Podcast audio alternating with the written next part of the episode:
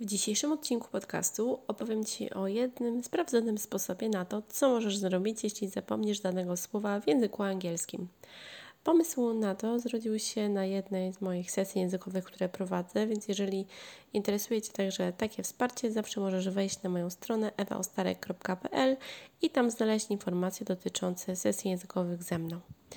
Bardzo dobrze możesz też sobie przetestować te różne sposoby, w których opowiadam w moich podcastach, między innymi właśnie ten. Bo często może zdarzyć Ci się tak, lub czasami, albo od czasu do czasu, że chcesz o czymś opowiedzieć i zapomnisz jakiegoś słowa.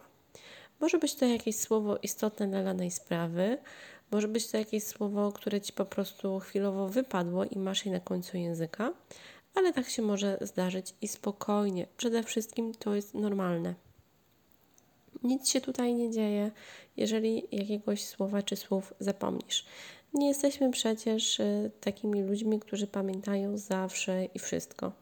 Czasem przecież także w języku polskim zdarza się, że chcesz o czymś komuś opowiedzieć i mówisz, że masz to na końcu języka. Zresztą w języku angielskim też możemy powiedzieć, że mamy coś na końcu języka, tylko wtedy trzeba to nieco inaczej ująć. Więc jeżeli takie coś Ci się zdarzy, to masz kilka wyjść. Oczywiście możesz do tego powrócić za jakiś moment, możesz sobie dać kilka sekund na to, żeby jakoś postarać sobie to przypomnieć i takie coś też działa. Możesz natomiast, jeżeli chcesz, zastosować to, co Ci teraz podpowiem. To jest bardzo prosta rzecz, od razu gotowa do zastosowania, czyli opowiedzenie o tym czymś w taki sposób dookoła. Możesz sobie to wyobrazić na tej zasadzie, że jest na przykład taka gra tabu, która polega na tym, że masz y, jakiś przedmiot, y, który gdzieś tam jest, y, które, mm, ten przedmiot musi być zgadnięty przez osoby, które grają w tę, w tę grę, ale nie możesz do opisu tego przedmiotu użyć jakichś słów, które są właśnie wypisane na kartce. I teraz wyobrażasz sobie, że no chcesz to coś opisać w taki sposób dookoła, tak jakby, czyli nie korzystając z tych słów, które są aż tak bardzo oczywiste. I to samo możesz zrobić właśnie w języku angielskim. Jeżeli zapomnisz chwilowo, jak jest biurko na przykład, czyli desk, to może się okazać, że po pierwsze możesz powiedzieć, że to jest rodzaj czegoś tam, że to jest coś podobne do czegoś, albo że to jest y, duże coś tam. E, przykład. Desk możemy powiedzieć, jeżeli nie, nie pamiętamy tego słowa, że desk to jest biurko, to możemy powiedzieć, że it's a kind of a table. It's a kind of a table. Rodzaj stołu. No bo przecież biurko to jest rodzaj stołu. Albo możemy powiedzieć, że e, gdzie to coś się znajduje, czyli na przykład it is in my room. Albo możemy powiedzieć, że możesz to zobaczyć w szkole, w klasie lekcyjnej, czyli You can see this in the classroom. You can see this in the classroom, na przykład. Oczywiście nie o to chodzi, że jak powiesz, możesz to zobaczyć w klasie, to każdy będzie od razu wiedział, że chodzi o biurko, bo na przykład w klasie może być tablica, może być laptop, może być tablica interaktywna, mogą być jakieś mapy pomocy naukowe.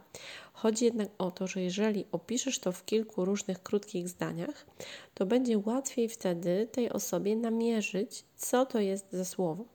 Czyli jeżeli wracamy do przykładu tego biurka i powiesz, że na przykład It is a kind of a table, It is something that I have in my room. You can see this in the classroom.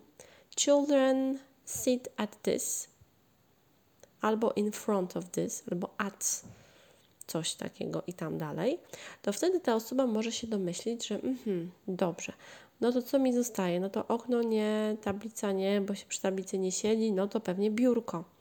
I wtedy nawet jak tego słowa nie znasz i nawet jeżeli albo chwilowo zapomniałaś, to się nic nie dzieje, bo powiesz tak i ta inna osoba się domyśli. Oczywiście jest łatwiej, jeżeli masz na myśli proste jakieś rzeczowniki. Jeżeli to są jakieś bardziej pokomplikowane rzeczy, to może być to nieco większym wyzwaniem, ale także da się to spokojnie wszystko opisać. E, jeżeli na przykład chcesz opisać, e, weźmy jakiś trochę taki przykład kosmiczny typu ul, tam gdzie mieszkają pszczoły. I na przykład zupełnie nie wiesz, jak jest ul. w ogóle jakbyś chciała wiedzieć, to zachęcam diki.pl i znajdź sobie, jak jest ul. E, o ile, o ile oczywiście to słowo e, może być Ci w jakiś sposób przydatne, bo jeżeli nie, no to czasem są słowa, których po prostu nie musisz znać, bo to nie jest powiedziane, że musisz znać wszystkie słowa w języku angielskim. No przecież nie znasz wszystkich słów w języku polskim. Więc tak, jeżeli nie znasz wszystkich słów w języku polskim, to tym bardziej czemu chcesz znać wszystkie słowa w języku angielskim. Ale co dalej? Weźmy sobie ten ul i nie wiesz, jak to e, słówko powiedzieć, to zawsze możesz powiedzieć, że it is a small place where you can see bees or where they live. A jak zapominasz, że bees to są pszczoły, to na przykład where i teraz powiedzmy tam Gucio i Maja, tak? To Maja była pszczółką, tak? Pszczółka Maja. Where Maja lives. Na przykład, tak? To nie o to chodzi, że ona tam musi mieszkać. Chodzi o jakieś takie skojarzenie. I tyle, w jakiś taki prosty sposób. I ta osoba droga może wiedzieć, że chodzi Ci o ule. Ona może też tego słowa nie znać w języku angielskim, ale możecie się domyślić wtedy wspólnie, aha, dobra, że mamy to jakieś słowo jedno na myśli. Więc to wcale nie jest powiedziane, że trzeba te wszystkie słowa znać, że te dwie osoby muszą znać to samo słowo. Możesz też sobie po prostu zrobić takie ćwiczenie, że teraz, w tym miejscu, w którym jesteś, zamykasz na chwilę oczy, wybierasz sobie jakieś dwa mm, rzeczowniki, które gdzieś tam są, które znasz, weź jakieś na początku dwa proste i starasz się opisać je w języku angielskim takimi wyrazami jak it's a kind of, czyli to jest rodzaj czegoś.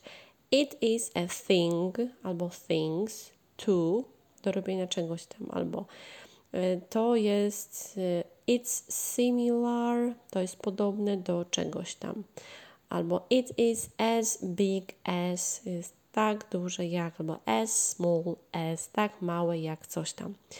Możesz używać różnych takich fraz, możesz postarać się to opisać. Oczywiście, zawsze jak masz jakieś wyzwanie, możesz ten dany przedmiot, jakiś rzeczownik narysować, możesz go znaleźć w słowniku. Teraz jest bardzo dużo różnych możliwości, ale najbardziej chodzi o to, żebyś po prostu była bardziej otwarta na to, przede wszystkim, że nie musisz znać każdego słowa i to jest normalne, że go nie znasz, ale zawsze możesz go opisać, możesz raczej je opisać, bo to jest słowo, w jakiś ciekawy sposób. I mam nadzieję, że ten sposób Ci się przydał. Także teraz weź dwa jakieś rzeczowniki i mam nadzieję, że będzie Ci łatwiej.